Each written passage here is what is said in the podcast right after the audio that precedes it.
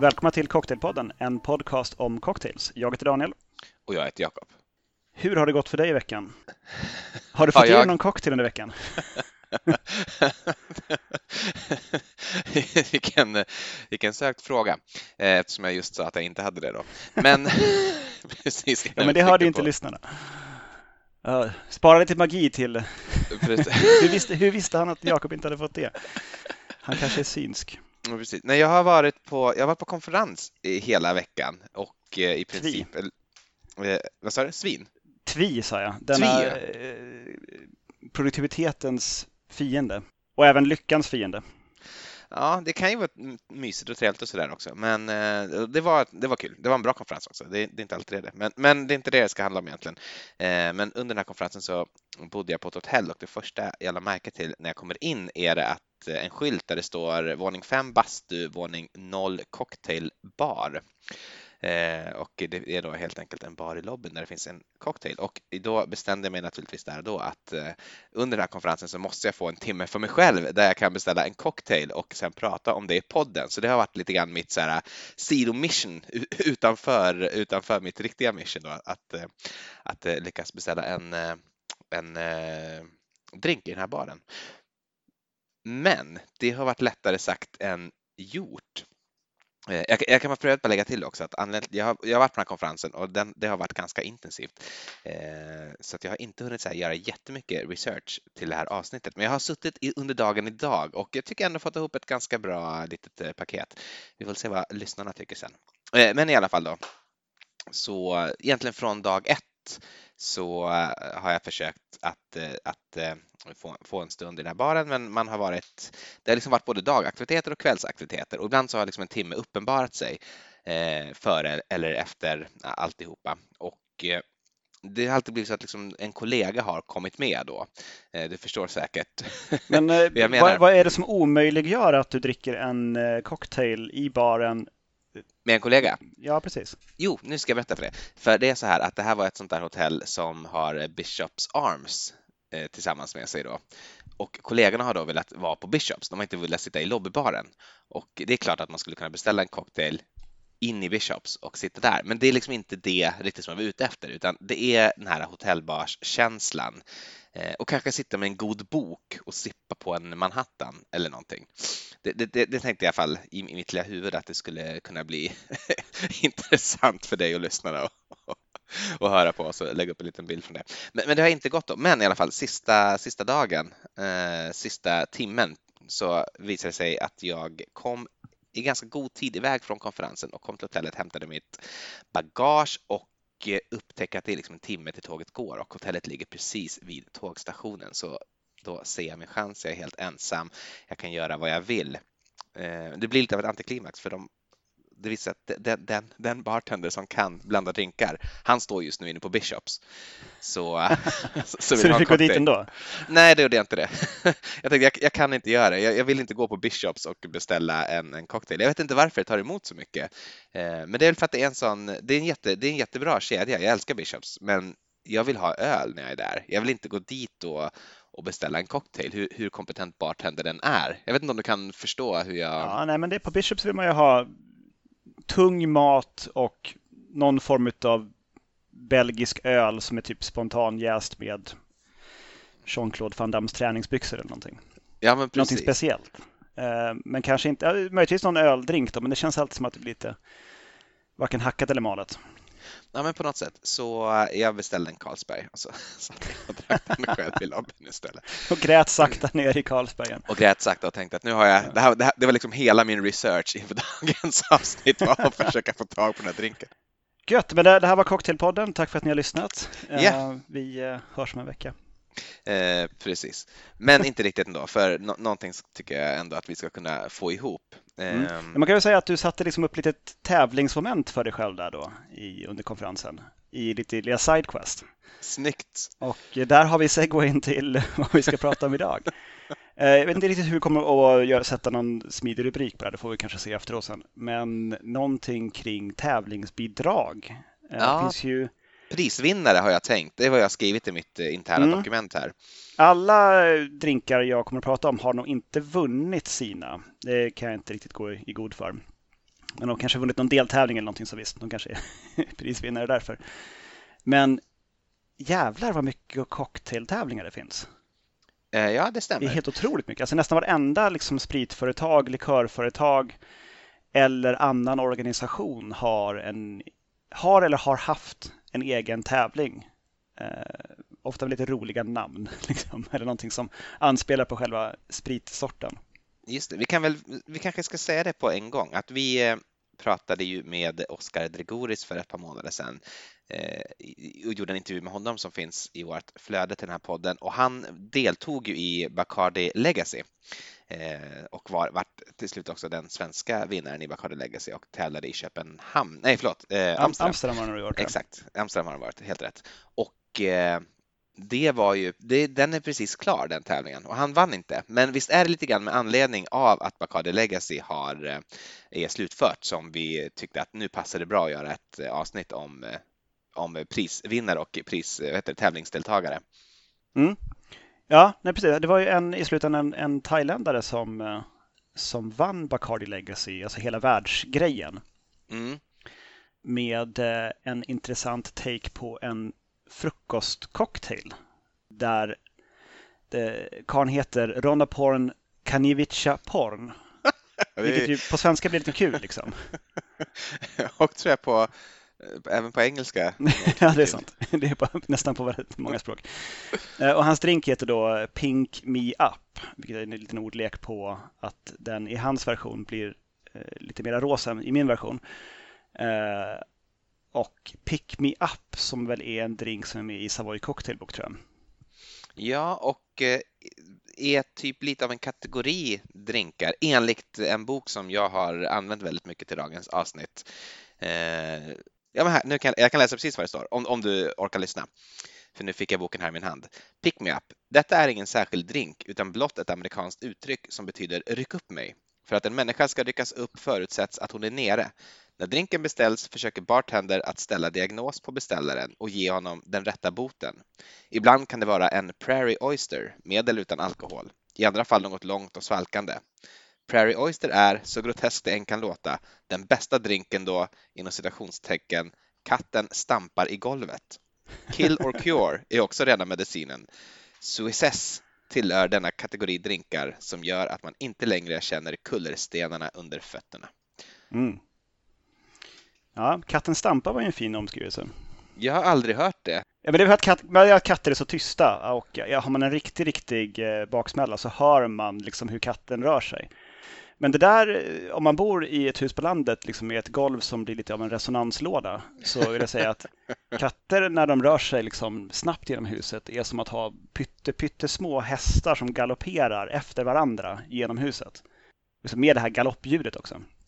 Så att eh, jag kan höra katterna stampa även när jag inte är bakis. Eh, hur som helst, eh, Pink Me Up heter den. Men med, med hans namn så hade man kunnat tänka sig någonting annat. Typ Pornstar Pickup eller någonting. Eh, något roligare namn. Men det är skitsamma, han vann ju liksom. Så att det, namnet var ju helt klart bra nog. Eh, jag kanske kan förklara vad det är han har gjort. Ja. För det är då att han, han ville ha, liksom, han gillar inte Bloody Marys. Och han ville ha en, eh, ett alternativ till Bloody Marys eh, till, eh, till brunchen. Och då har vi eh, 45 ml ljus Bacardi, Bacardi Carta Blanca. En rejäl klyfta färsk mogen tomat.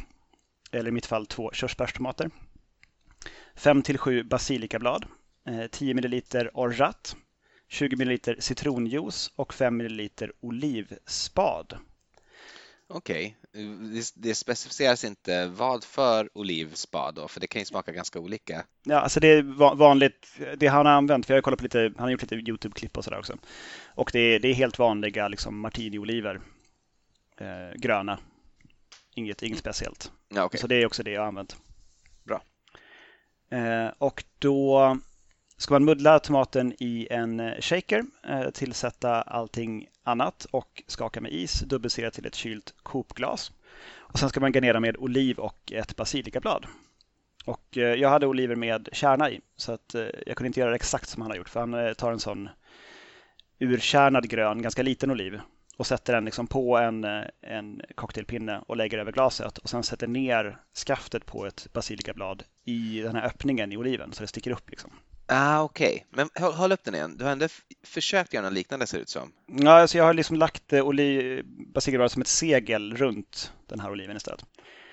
Eh, och den heter då Pink Me Up och i de versioner jag har sett så har den ju varit också lite rosa. Mm.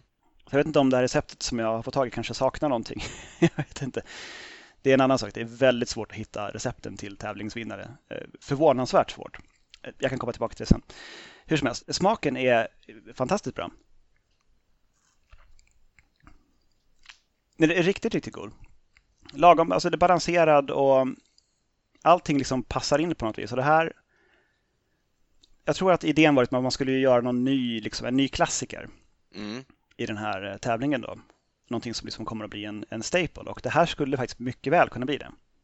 Okej, men, men kanske, den är ju ganska komplicerad. Ja, fast den, allting som du behöver finns ju i en vanlig ja, det är sant, bar. Det är vanliga grejer, det, det är inget mm. konstigt så. Och det, är liksom, det enda du gör är att muddla lite grann och det gör du med andra grejer också. Så det här är en helt, för vilken bar som helst, en genomförbar drink. Och det är någonting, jag tror att det är tomaten som gör att det liksom blir eh, skum på. Den får ju ett, ett, ett, ett nästan äggviteliknande skum fast det inte är äggvita med i.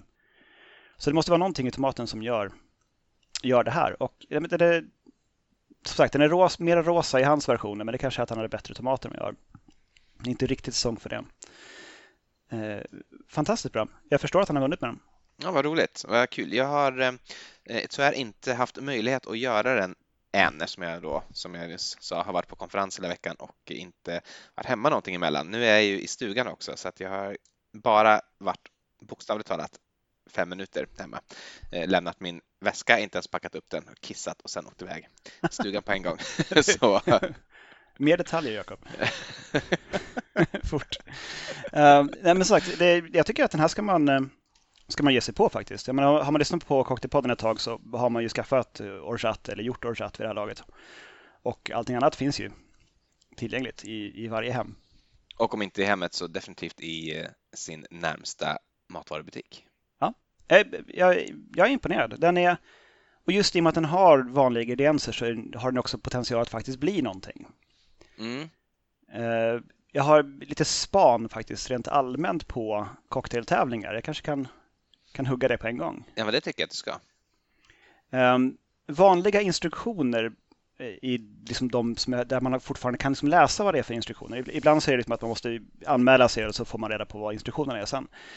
Men att antingen att man ska göra en, en ny klassiker, mm. alltså typ gör en ny daiquiri eller någonting som blir liksom lika känd och stor och vanlig som drink X. Eh, men gör det med våran sprit, våran likör, våran drinkmixer eller på något annat vis som har liksom med det företaget som står bakom eller företagen som står bakom. Sen ska man hitta på en, ett, ett bra namn, en liten bakgrundsberättelse eller så här kom jag på den här drinken-grejen och det måste ju som alltid vara någonting. Det kan inte vara som att ja, jag kom på den.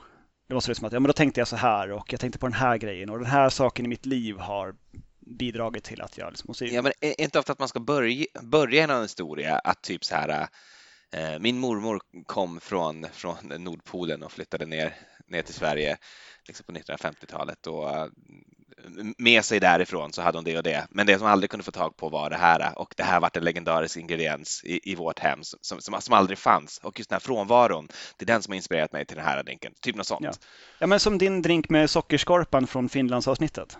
Ja, just det. Ja, men precis. Så det, är, det är den typen av historia man ska liksom ha. På något vis. Jag menar, det här, eh, liksom, Ronna Porns historia var liksom att jag, jag gillar inte Bloody Marys, så jag ville göra någonting annat. Det tycker jag ändå är uppfriskande rätt framt. Nej, men här, det, det, jag vill ha det. Jag vill ha en, en, bra frukostdrink. Så jag gjorde en bra frukostdrink. Det här är min frukostdrink. Det är, inte, det fantastiskt. Det, det, är inte så här hjärtknipande, men, men ändå men, men starkt kanske i sin genre. jag, jag, gillar det. Uh, sen så liksom ofta brukar det vara någon form av teman eller något sånt där. Liksom det kan vara hållbarhet eller vad som helst som helst ligger i tiden på något vis. Mm. Eller knyter an till varumärket. Um, ofta, för nu har jag liksom kollat runt liksom utifrån lite listor på vilka tävlingar som finns och sen har jag försökt hitta um, tidigare års vinnare då, för de flesta tävlingarna är inte gjorda än i år.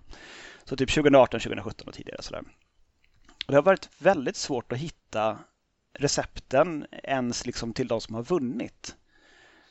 Eh, om det som inte är typ eh, Diffords guide eller eh, vad heter den typ? L-interiörer, L-mat och något sånt där. Mat och Ja, vin kanske det. heter. L, L mat och dryck? Eller mat och vin? Mat och vin. Ja, den sånt. kan ha hetat båda, alltså, om, om inte de har skrivit om det, då finns liksom inte receptet kvar någonstans. Så många av de namnen är så, liksom så vanliga ord att de nästan blir ogoogelbara. Jag tror att om man vet bartendern så kan man alltid pröva typ att kolla på sociala medier. Mm, jag har provat det också. Och typ hashtag, eh, liksom namnet på drinken och sådana saker. Det var ju, Drigoris gjorde mycket med sitt recept och liksom eh, hashtag save the legacy. Och det, hans recept är ju alltså ändå uppfriskande lätt att hitta Mm. eh, om man vill ha tag i det. Eh, sen så det också de här företagen som har lagt upp tävlingarna. Det känns som att typ det sista som, som skrivs inför en tävling, det är typ så här, ja och ikväll gäller det liksom. Och sen upplöses hela organisationen som har haft hand om tävlingen i någon slags alkoholdimma. Det är ganska lite efterarbete. Jag har faktiskt också tänkt på det. Att även på de här liksom, deras officiella hemsidor så är liksom sista posten. Kvällen innan, eller kvällen, kvällen då det är. Nu, nu drar vi igång liksom. Fan, nu drar vi igång äntligen. och så kanske det är ja, men en bild på deltagarna som står, ser peppade ut. Och sen så är det aldrig något. Men hur gick det då liksom? Mm. Nej, nej, precis. För då, liksom, då, då är projektet ju avslutat. Jag tänker att det beror nog lite grann på att många som är med i de här grejerna är liksom från, eh, så- från serviceindustrin, från hospitality. Och liksom det, deras jobb är ju att göra en bra tävling, ett bra event och sen är det klart. Liksom. När gästen Mm. har betalat notan och gått därifrån så finns det ingenting kvar att göra. Det är som att den, den grejen hänger på något vis kvar tror jag. Ehm, och sen eh, det som jag tycker är ofta går liksom lite emot många av de här skapa en ny, eh, en ny klassiker-tänket är att eh, många ingredienser som man kan hitta recept på har extremt speciga ingredienser. Eller typ Ja, måste göras på plats i baren grejer. Och jag, som ett enda exempel, eh, Patron Perfectionist, alltså Patron Tequila-märket, Mm. eh, 2017, deras finalister. Jag kan läsa bara några ingredienser som fanns med i en lista på om det var fem eller sex olika cocktails. Ja. Eh, och se om det är någonting som du känner att du har hemma eller är sugen på att göra. ja, shoot, shoot. Eh, ett, ett måledestillat gjort i en rotovap, alltså en roterande eh, evaporizer som, som typ man kan destillera saker i. ja, okej. Och måle är en sån här mexikansk såsgrej. Ja, men precis. Eh, det, det blir kryss på det. Mm, det är kryss på det. Yes, yes. Kryss inte. Ja. Eh, hemmagjord jasmin och mandel horchata. Det är samma drink som måledestillat för övrigt.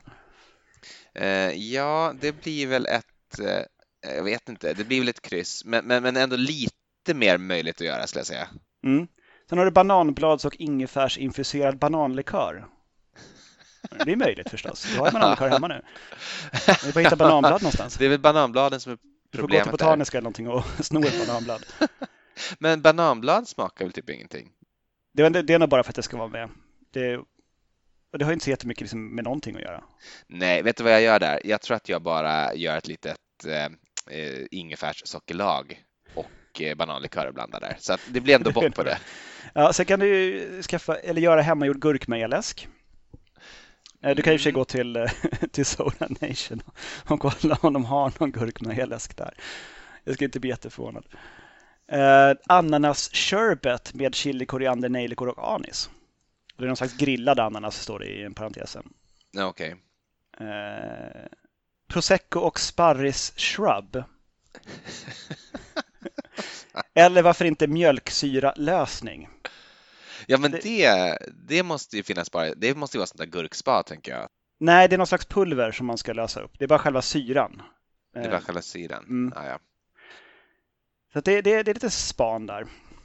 Ja, för det är ju då, jag har, eh, jag, jag har, eh, jag har nästan inte alls tittat på några nya drinkar eh, inför det här avsnittet, jag, utan jag har egentligen, jag ska säga, min, min nyaste eh, drink som jag har bland mina, eh, liksom som jag har gjort idag, den är från 1963. Okej. ja, jag tror inte jag har någon från liksom innan 2010. Så att, Eh, Så, så att vi har lite olika i- ingång här då. Och eh, jag kan väl konstatera att eh, det var enklare förr. Om man säger så. Frågan är dock ifall det blev godare. För du eh, konstaterade just att den här Pink Me Up var otrolig. Jag ska säga alla drinkarna jag har gjort för idag har varit riktigt, riktigt bra. För att alla drinkar jag har gjort för idag har varit ja, okej. Okay. så det var både enklare och lite, lite lägre liksom, nivå på det hela. Men ja. jag tycker att den här Pink Me Up eh, håller ju ändå, alltså just i och med att det faktiskt går att göra den, nästan vem som helst kan göra den direkt idag. Liksom.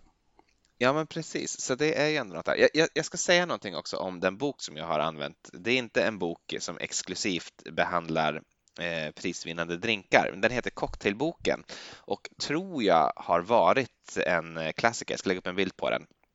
Jag har fått den av en kär släkting.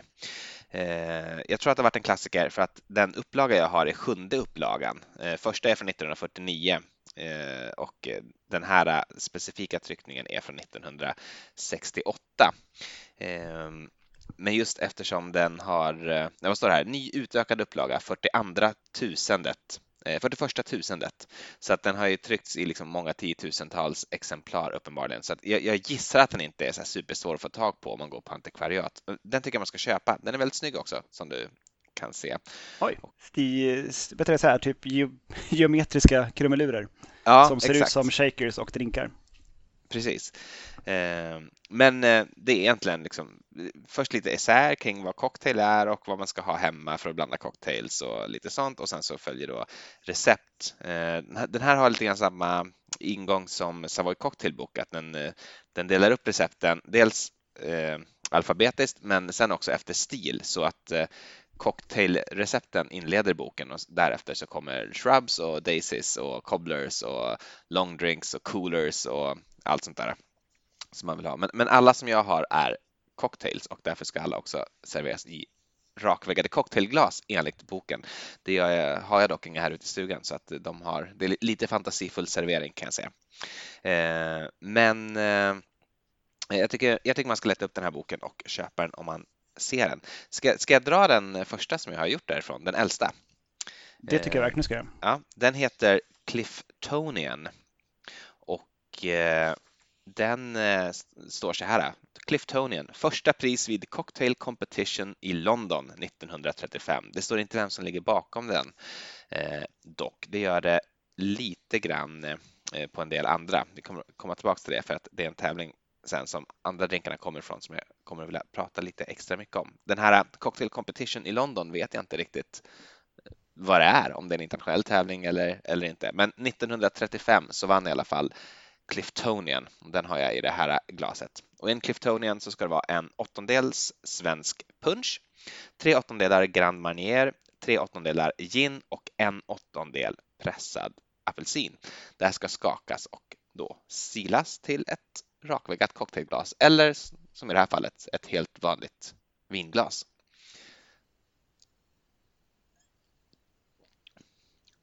Mm.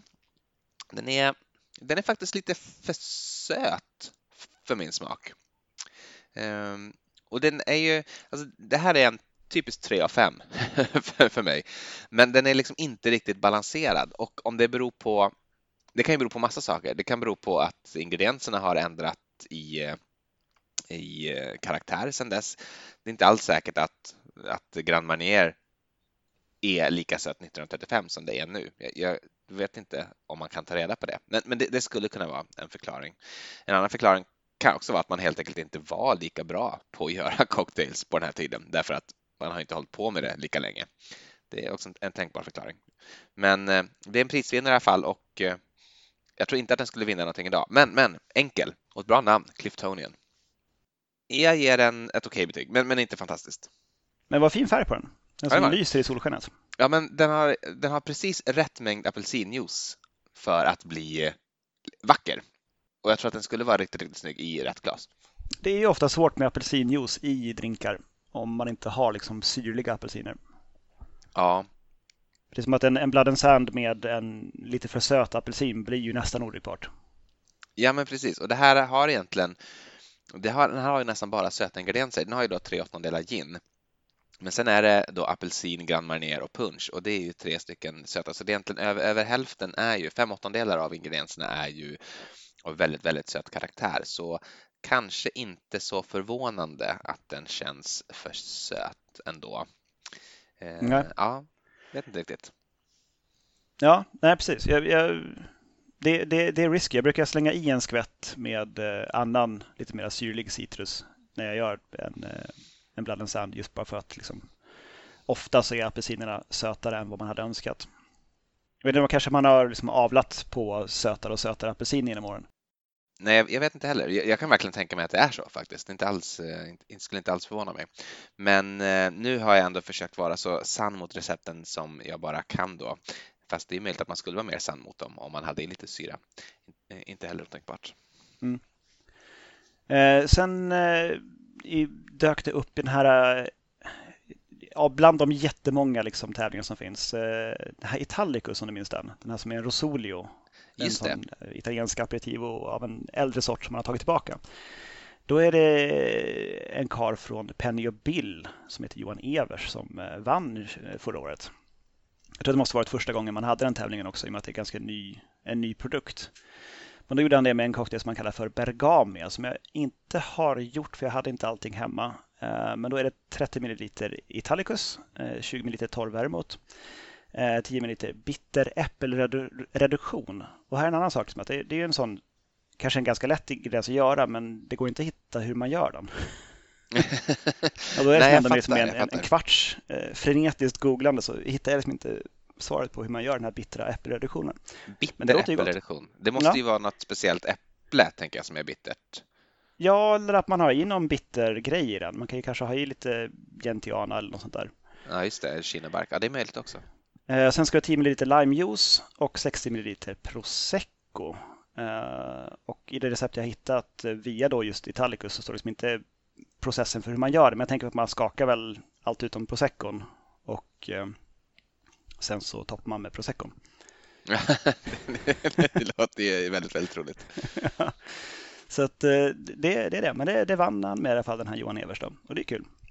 Mm. Som, eh, med, med svenskar som liksom är ute i, i världen och eh, eh, grejar.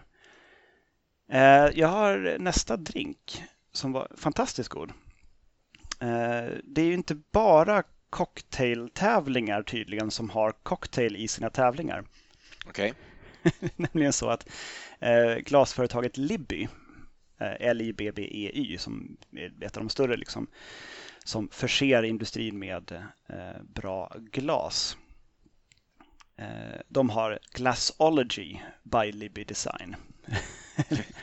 Alltså man ska, in, man- man ska inte blåsa Ja. ett glas då? Nej, precis. Du ska designa. Så det Become a glassologist and create the world's next iconic glass är undertiteln på eh, Glassology by Libby. Ehm, och utan någon som helst egentlig förklaring så har de även tävlande cocktails som inte verkar ha så mycket, det var kanske man gjorde en cocktail till sitt glas då liksom. Men det- glasen som de har presenterat mig är ju inga speciella glas, det var vanliga Coop-glas. Okej. Men där har jag i alla fall fått eh, receptet på ehm, Third L Hanky Panky. Så är det third L. Ja, El Hanky Panky. Alltså för att det är, det är mexikansk inspirerat så därför Ah, El Hanky. Panky. L Hanke Panke så, jag fattar. Ja. Okej. Men den tredje då. Mm. Eh, och då är det en eh, karl som heter Jori de Schepper från Knockeheist i Belgien. Som Mm. är en, en väldigt fint belägen liten strandort med ett någon slags vågsurfing-community. Som ligger otroligt fint. Vi var där någon gång med eh, mitt tidigare, tidigare jobb. Eh, Mm. och eh, hade någon slags firmafest där. Det var jättefint. Här har vi då alltså 30 ml Reposado Tequila, 15 ml Mezcal, 30 ml Carpano Antica, 10 ml Amaro Montenegro, 5 ml Maraschino-likör och 2 ml Fernet Branca. Och det här ska röras med is och silas till ett kylt kokglas. Sen ska man garnera det här med en, en vriden och bortslängd apelsinzest. Det känns ju också som ett ganska enkelt recept att göra själv. Jo, precis. För det, Carpano Antica och Amaro Montenegro har man hemma. Ja, och det är åtminstone produkter som går att köpa. Det är liksom inga mysterier. Nej, de finns ju till och med på hyllan på många systembolag. Precis. Nej, det, det är väldigt, väldigt gott. Mm, vad kul. Det är en, en riktig en riktig fullträff, en fem av fem. Tveklöst. Oj, vad, vad härligt. Vad kul att höra. Så det är den, den riktigt... eh, Ja, den, den, den lyser, den här drinken. en solklar vinnare. Nu vet jag inte om den just vann den här Glassology-tävlingen, men den fanns med på deras sida i alla fall. ja, men det är gott nog tycker jag. Så att, eh, det var det. Third El Hanky Panky av Jori Deschepper. Eh, jag eh, har kollat runt lite grann idag.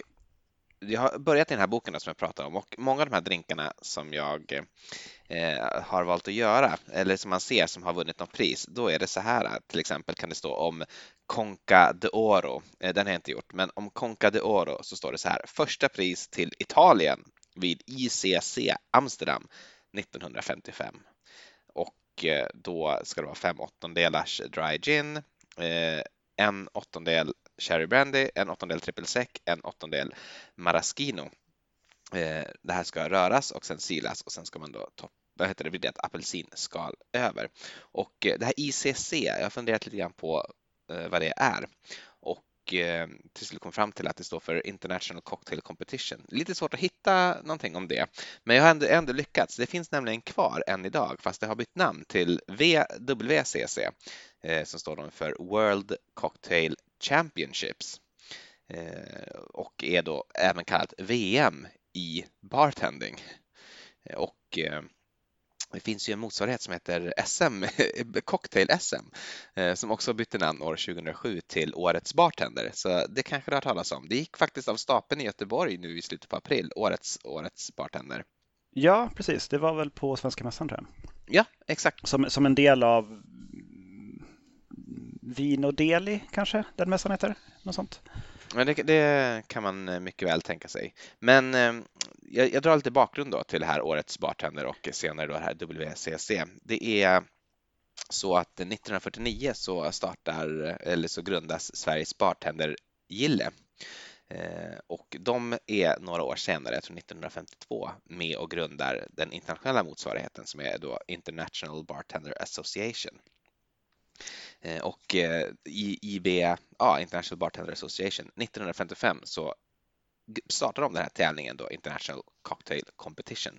Och det här eh, Conca de Oro som jag just berättade om, det var alltså den, den allra, allra första vinnaren eh, av den här tävlingen och eh, det är en italiensk bartender då. Det stod ju bara Italien i den här, men jag har lyckats hitta att det är en italiensk bartender som heter Giuseppe Deli som eh, låg bakom den här Conca de Oro.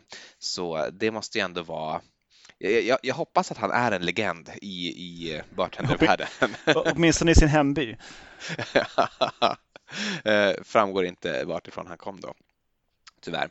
Men, men eh, Bartendergillet är i alla fall med och startar den här internationella organisationen som senare ordnar den här i VM i, i cocktails helt enkelt. Och det finns fortfarande kvar, men jag tror att det ändrat lite stil för att nu finns det massa olika subkategorier och sådär. Bland annat så kan man tävla i flair Eh, vet du vad Flair är? Ja, men det är väl, det är väl typ eh, filmen Cocktail. Ja, exakt. alltså man, man, det är alltså jonglering och bartendrande samtidigt. Ja, också du vet man, man kastar upp en flaska och sen så liksom fångar man den på ovansidan av handen och sen så liksom ja, skjuter man iväg typ den slänger igen. upp en flaska så att den liksom fyller ett glas på vägen i luften på något vis. Så det... Ja, men precis. Allt, allt sånt där. Men det är lite grann så här, det är tillbaka till typ eh, Jerry Thomas och att typ slunga brinnande Blue Blazer mellan två metallkoppar på långt avstånd mellan händerna. Det måste vara liksom åt det hållet. För jag tänker mig att så här, Flair kanske kan ses lite grann ner på, men det, det har ju en, verkligen en lång tradition, så det, det, tycker jag inte man ska göra. Jag tänker att vi får göra ett avsnitt en gång när vi filmar oss själva försökandes göra Flair moves. Gud vad roligt! Eh, det kan bli, det kan bli eh, vårt, vårt, vårt sämsta bidrag till Instagram någonsin. Ehm, men, men i alla fall så, så är det, om det är sex stycken eh, liksom, tävlingar som handlar om cocktails eh, av olika slag, typ före maten cocktails, efter maten cocktails, long drinks, short drinks, och där är de uppdelade i typ sours och daisies och någonting annat och lite sånt där. Eh, så det, det mesta handlar ändå om, om själva cocktailsen. Då. Eh, men för att vara med i det här så måste man först då vinna årets bartender om man är svensk. För man kvalar in via de här liksom nationella eh, tävlingarna eh, Eh, till eh, WCCs tävling. Eh, som för övrigt går i Chengdu i Kina i år i november. Så vi kanske får anledning att komma tillbaka till tävlingsbidrag i sent i höst. håller inte för omöjligt i alla fall. Men jag tänkte jag skulle säga någonting om årets vinnare i Årets Bartender som ju alldeles nyss varit klar och det är Tommy Komljenovic. Han blev Årets Bartender i år. Och i då Bartender-SM, eh, Årets Bartender, så är det ofta ofta eller alltid någon sorts tema som man utgår från. Jag är inte säker på om det sen på något sätt ska kopplas till temat i VM eller om det är helt friställt. Jag tror att det är helt friställt. Men årets tema var i alla fall aperitif med och utan... Punkt, punkt, punkt. Så en alkoholfri och en alkoholig?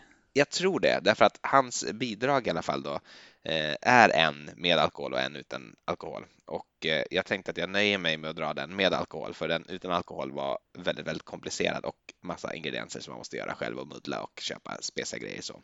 Medan den här vinnaren faktiskt var ändå eh, någorlunda, någorlunda lätt att göra tror jag. Fin bild här också om man söker på den. Den heter Pallets, Pallets Odor Eh, så lite kanske en blinkning tillbaka till Conca, Concadoro. Eh, det vet jag inte. Men Pallets Odor och då ska det vara 4 centiliter Ron Zacapa, 1 centiliter Italicus, 2 eh, centiliter eh, Rye av märket Hudson Manhattan. Sen 3 centiliter av någonting som jag inte känner till, får se om du vet vad det är. Eh, Les Specieres de Provence Sirop. Någon sorts eh, sockerlag smaksatt med något från Provence kan man väl ana, men vet faktiskt inte vad det är. Eh, men något sorts sötningsmedel i alla fall och fyra stänk Peychaus Bitters. Står inte något mer hur den ska hur den ska göras, men jag gissar röras och på bilden så ser man att den är serverad i något sorts Coop-liknande glas. Den har också en väldigt avancerad garnering där som jag inte ens vågar gissa på vad det är. Eh, men eh, om man får upp en större bild här, det ser ut som typ ost med kaviar på. Otroligt avancerat. Som är liksom spetsade på två cocktailpinnar som ligger över glaset. Eh, jätte, jättefin bild faktiskt. Jag blir verkligen sugen på den. Eh, men det var Pallets eh, The då. Sen så fanns det även då liksom klassiker som man skulle göra, så han hade också gjort då i, i, i kategorin Classic Perfection en Boulevardier som är väldigt snygg och den är serverad i ett likadant glas med en väldigt liksom sådär utsnirklad, inte snirklad direkt, men en, en apelsinzest som är mandelformad och massa hål i på ett väldigt konstfärdigt sätt som gör att den ser eh, väldigt stilfull ut som man har klämt fast med en klädnypa på. Du får kolla på dem där sen, det är bara att googla eller så kan jag skicka dig länkarna. Men, men aretsbartender.nu kan man gå in på så kan man hitta det här själv om man vill. Mm. Sen finns ju Bartenders Choice Award också som en svensk gren som också ger ut, eh, fast där har jag förstått som att det är, det är bartenders folket, liksom, de som faktiskt jobbar med det här som eh, är på något vis nominerar och är jury.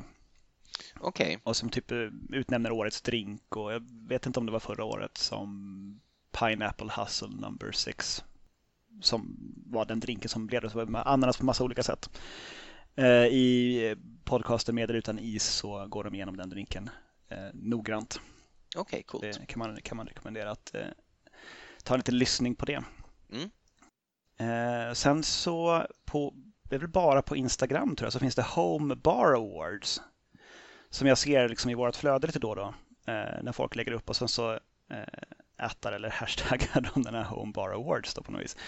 Och där har jag sett några saker som jag ändå liksom kommer ihåg så här efteråt som jag eh, hajat till, som att det var otroligt coolt.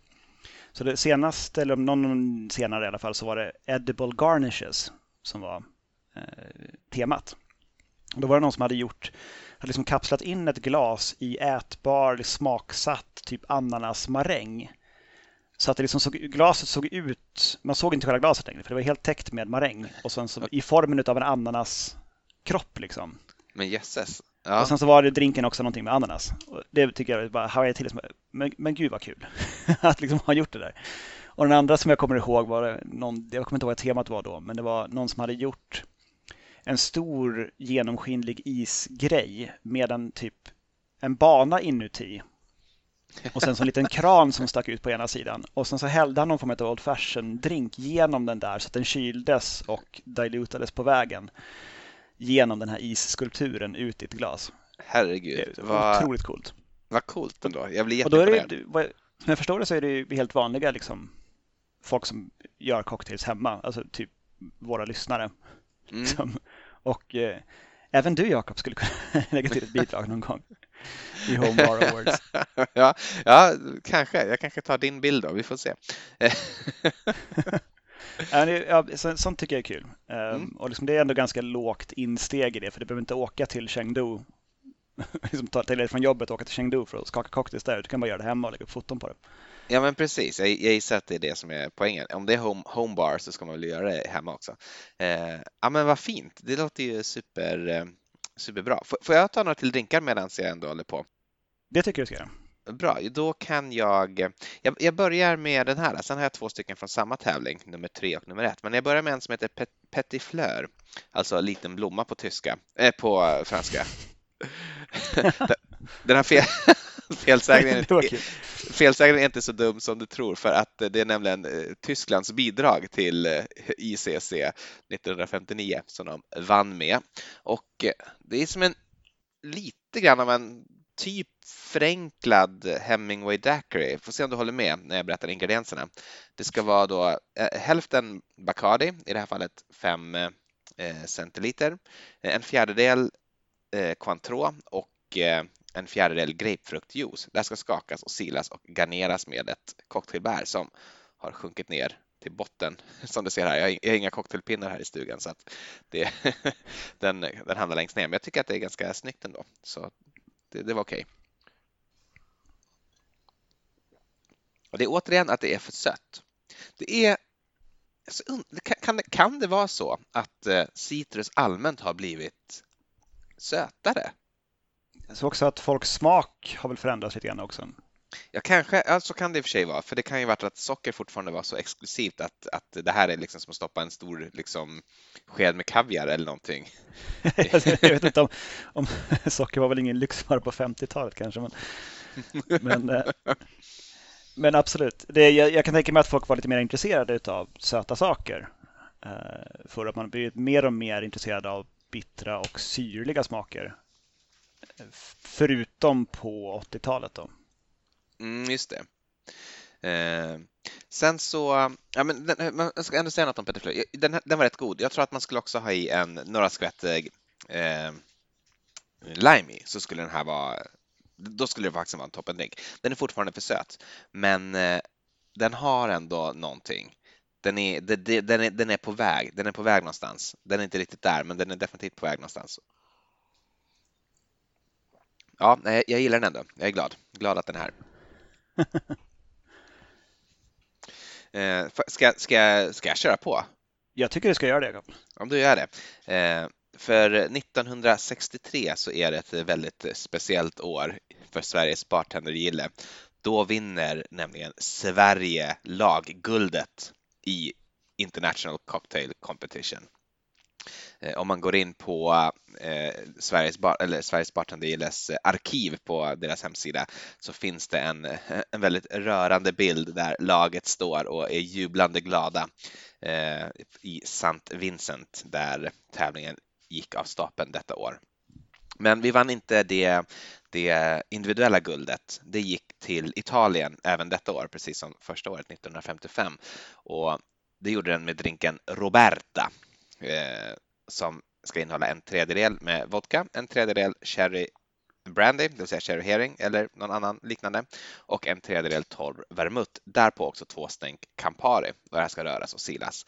Den gjorde Linda här om dagen medan jag var på konferens och hon rapporterade att den var you guessed it, för söt, men, men på väg någonstans. Men, men, men för söt, för mycket sherry, men sherry det kan, det kan inte vara det liksom att den här Cherry Brandy är en annan produkt än den här söta körsbärslikören som vi har idag.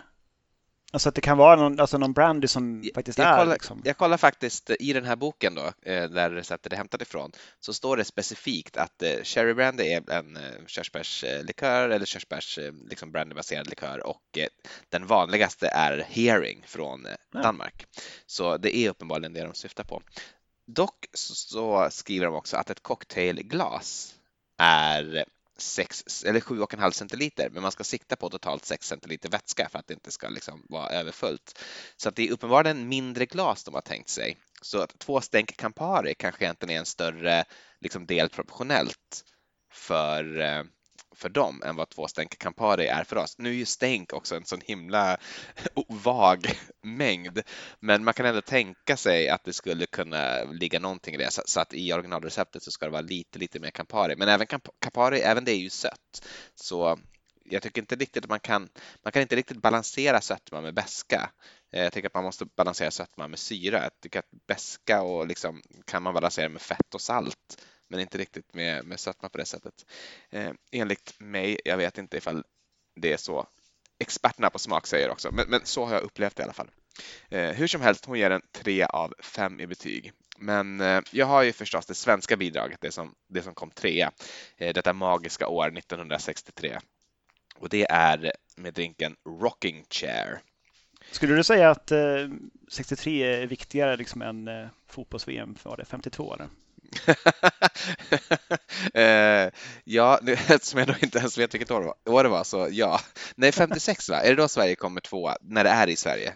50 någonting får vi säga. Ja. Eh, det här har varit Sportpodden. Det skulle jag definitivt säga. Jag skulle säga att det, det är en skön förpepp, men, men för liksom det som ska hända sen några år senare, när Sverige kommer individuellt trea och vinner lagguld i, i eh, cocktail-VM. Eh, men rocking chair då i alla fall. Det ska ju då också vara i ett eh, eh martiniglas som jag har sagt. Jag har liksom slut på glaset. Det är ett helt vanligt dricksglas. Troligen från Ikea. Eller vänta nu, när jag tittar här under så står någonting annat, men jag kan inte riktigt se vad det står. Det är inte Ikea i alla fall, men ett vanligt dricksglas. Ni får titta på bilden på, på Instagram. Jag kommer lägga upp den där om jag inte redan har gjort det när detta sänds. Men i den ska det vara i alla fall då lika delar av skotsk whisky, eh, benediktin och torr vermouth. Och det här ska röras och silas. Och eh, det är inte bara det är inte bara av eh, patriotisk hängivelse jag säger att detta är min vinnare för, för idag. Den här tycker jag faktiskt var riktigt god. Eh, det står ju bara skotsk whisky i receptet. Jag tolkar det som icke-rökig skotsk whisky. Jag tolkar det faktiskt till och med som blended whisky, för jag tror att single malt fortfarande var en ganska marginell produkt vid början på 60-talet.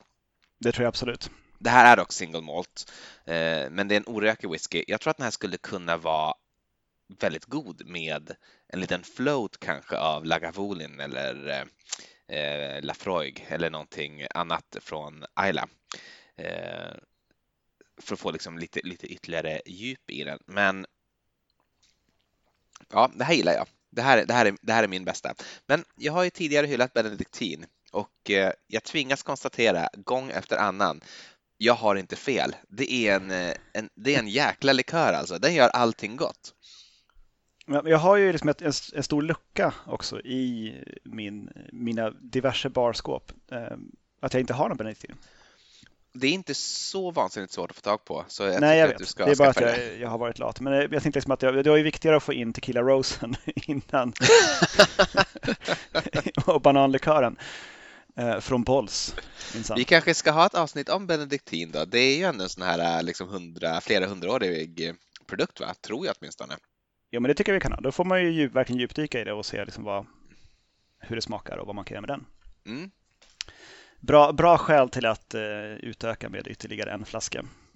det kan behövas. Precis. Kommer du ihåg uh, Tea Punch? Uh, ja, såklart. Som är agrikolrom, lite, lite socker och lite, några droppar limejuice. Och väldigt färskpressad. Man liksom pressar ja. i den direkt ur limen Ja, och utan is och så rör man liksom tills typ en del av sockret har löst sig och sen så förslagsvis utanför en bastu någonstans i Rimbo-trakten så dricker man det här ur plastmuggar och tycker att livet är rätt fantastiskt. Eh, det är liksom en av de allra enklaste och mest ursprungliga liksom sätten att, att dricka rom på. Mm. Men eh, Clement, romföretaget, har arrangerat en tävling eh, i några år som heter eh, Tea Punch Cup. Mm -hmm. Och eh, målet är att man ska återuppfinna T-punch. Eh, och då liksom ska det vara liksom att det, det, ska vara, bara vara de här ingredienserna från början och den smakprofilen. Eh, så jag har ett recept som jag tycker varit lite li, lite väl trassligt, men det är kul att berätta. Och sen ett som jag också har gjort. Får jag bara säga en sak innan det, angående T-punch? Att jag var på, jag tror att det var på Tjoget, nu hoppas jag att jag inte minns fel, men där var T-punch en av deras liksom fem drinkar de hade på sin typ meny på tavlan. Ja, men du tog du den eller? Nej, nej, jag tog någonting annat. Men det är, det är på väg tillbaka då, eller liksom på väg in i det allmänna medvetandet, uppenbarligen, om, om det är liksom på en sån shortlist. Ja, men det, och det tycker jag också är helt rimligt. Det är ju förbluffande gott för att mm. vara så enkelt. Det är det verkligen. Men eh, då har du som en här då som har eh, tagit liksom rygg på det att det ska vara tre ingredienser, typ i alla fall, och kallar sin drink då för Power of Three Tea Punch. Eh, då har du 50 milliliter ung agrikolrom. Ehm, men sen så kommer det redan på nästa ingrediens bli lite trassligt. Mm. Då ska du ha 20 milliliter verdejosyra inom parentes 0,5 milliliter askorbinsyra och 0,9 Eh, gram av någon anledning citronsyra per 30 milliliter vin, står det bara. Inte rött eller vitt eller bara något sånt. Det, det är vin. Okej, okay. alltså det är väldigt så specifikt för att vara så ospecifikt. Ja. But wait, there's more. Sen ska du ha 15 milliliter mangomelass, eh, som då inom parentes är mangohjärtan kokta i bitter melass och sedan eh, liksom gjort till en 1 till 1 syrup. Så om du springer iväg och gör det nu så kan du genast prova den här drinken. ja, jag har ju tyvärr inte askorbinsyra i stugan så vi får nästan vänta till jag kommer hem. Nej, mangohjärtan och eh, bitter melass är någonting som du ändå sitter inne på. Liksom. Det har man. Ja, men jag tänker att det finns nog i trädgården någonstans. Det är liksom massa buskar och bär som jag inte riktigt vet vad det är. Så den, den har jag av naturliga skäl inte gjort. Däremot så har jag gjort Breakfast in Martinique. Och eh, det var liksom någonting som jag antydde lite grann i början också att man ska gärna ha liksom ett namn som på något vis knyter an till produkten eller spriten eller som är lite lustigt sådär. Och väldigt många namn som har med liksom det här med tea punch är just att det låter som te. Just det. Och det gjorde även jag när vi hade avsnittet om te i cocktail så gjorde jag någon form av tea punch. Just det, just det. Så att det, liksom, det, det ligger nära till hands. Och här har vi då alltså 50 ml eh, lagrad agrikolrom, eh, 10 ml falernum, 12,5 ml agavesirap, 12,5 ml limejuice, 3 stänk Peychauds bitters. Det här ska hällas i, you guessed it, en tekanna fylld med is och sen ska man röra den i tekannan och eh, eh hälla över då till en kyld tekopp med en isbit i. Eh, skapat av en karl som hette Andreas Giaprakas på Vogatsiko 3 bar i Thessaloniki, eh, Grekland, för då den här tävlingen T-Punch Cup. Och eh, kan man tänka sig att ja, man orkar liksom göra med en tekanna, men det har jag faktiskt gjort. Så att jag ja, vad roligt. rört det i en, en, en metall, en sån gjutjärns-tekanna som fick stå i frysen lite grann och bli kall. Och Eh, här är det roliga. Här är det ju en hel del ingredienser med och det är bitters och allt möjligt. Allting som gör att det inte är en tea punch. Men, men smaken är en tea punch. Är det? Gud det, är, det är det som är så otroligt. Alltså, med allt det här som, som går med i den här. Som, för gudars skymning. Agavesirap och falernum hör inte hemma här. Men smaken är liksom, det är en, en välrundad, lagom söt, lagom syrlig tea punch. Och så blir den också lite så rosa, du kan inte se det i kopparna, men den är lite rosa-röd av, av personsbittersarna. Jättehärligt. Jag, gläder mig över att du har en sån förträfflig drink framför dig. Ja, den är otroligt bra. Eh, genast göra. Jag kan verkligen se hur eh, agrikol och falernum, det är inte så förvånande att det passar ihop, men jag kan verkligen se hur det kan göra det. Det här liksom lite gräsfunky med eh, så här kryddiga ingefäriga från eh, Flernumen. Ja, jag, jag är förbluffad. Alltså, jag tänkte bara, okej, okay, men jag gör den för att det är lite kul och för att jag har de grejerna hemma. För att se liksom, ja, men hur långt har äpplet fallit från, från T-punch-trädet. Mm. Rakt nedanför. Otroligt bra. Eh, varmt rekommendera och det gäller ju för alla cocktails idag. Jag förstår varför de har, liksom har kommit långt i tävlingarna eller till och med vunnit.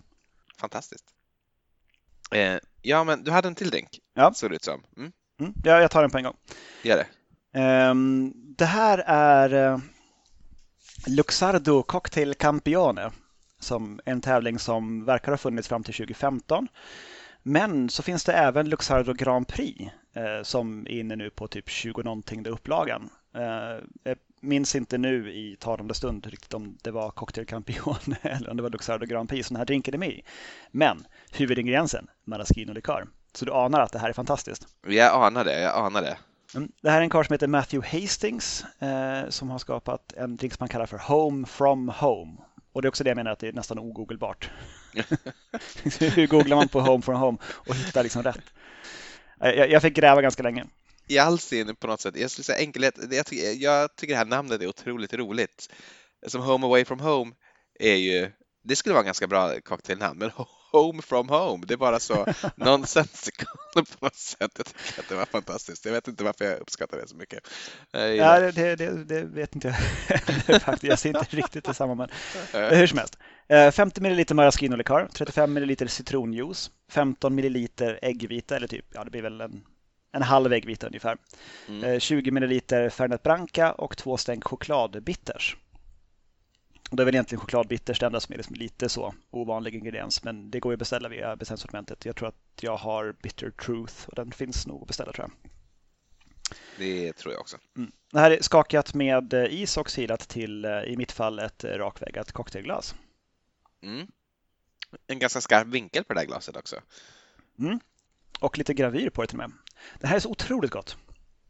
Alltså det är som det är som, som godis och precis rätt söt syrlighet och liksom den här ryggen i maraschino. Men samtidigt att fernetten som ändå är ganska mycket fernet i torkar ut liksom eftersmaken. Mm. En solklar vinnare. Visst nämnde jag att jag på en fest träffade någon som var med i någon sorts typ Fernet-sällskap? Det tror jag inte. Jag har inte sagt det. Ehm, de var i alla fall, det var inte egentligen det det handlade om, nu minns jag inte ens vad själva sällskapet var, men de hade som tradition att de skulle alltid dricka Fernet och Fernet-drinkar på något sätt. Men sen kunde de inga Fernet-drinkar, så det var typ oftast bara Hanky Panky eller bara en shot Fernet. Men vi kanske skulle kunna göra dem en tjänst och ha ett, eh, ha ett specialavsnitt av Fernet någon gång också. Det hade varit jättekul. Jag använder inte jättemycket Fernet, så att, eh, det skulle vara kul att få in det lite mer. Det är ganska stora flaskor också. Men eh, jag tänkte vi kanske kan runda av med att jag bara liksom nämner några stycken till på slutet. det är så otroligt många tävlingar, det är inte ens alla som jag har hittat. Men om jag bara, om jag bara rullar. Uh, The Cowper Bar Fight tyckte jag var kul. Uh, verkar bara funnits 2015 och handlar inte om cocktails på riktigt utan det var typ barlag, liksom, folk från olika barer som hade någon slags femkamp med typ dragkamp, likör, blending, tävling, typ transportera ägget från mellan varandra, liksom blind bartendrande och smakidentifiering och sånt som de såg ut att ha jättekul på bilderna. jag ville bara nämna det. Eh, sen Speed Rack Competition som är snabb bartendring och bara för kvinnor, eventuellt bara i Kanada, det är lite oklart. Antika Formula Cocktail Competition, Southern Showdown som handlar om Southern Comfort förstås. Flair Mania, um, Start with Stoli, Diplomatico World Tournament, Drambuie Cocktail Competition, Martini Grand Prix, Tales of the Cocktail Spirited Awards, jag vet inte riktigt om det är en cocktailtävling, men ehm, um, US Sherry Cocktail Competition, Fernet Branca Barback Competition, Havana Club Grand Prix, Beef Eater Mix London.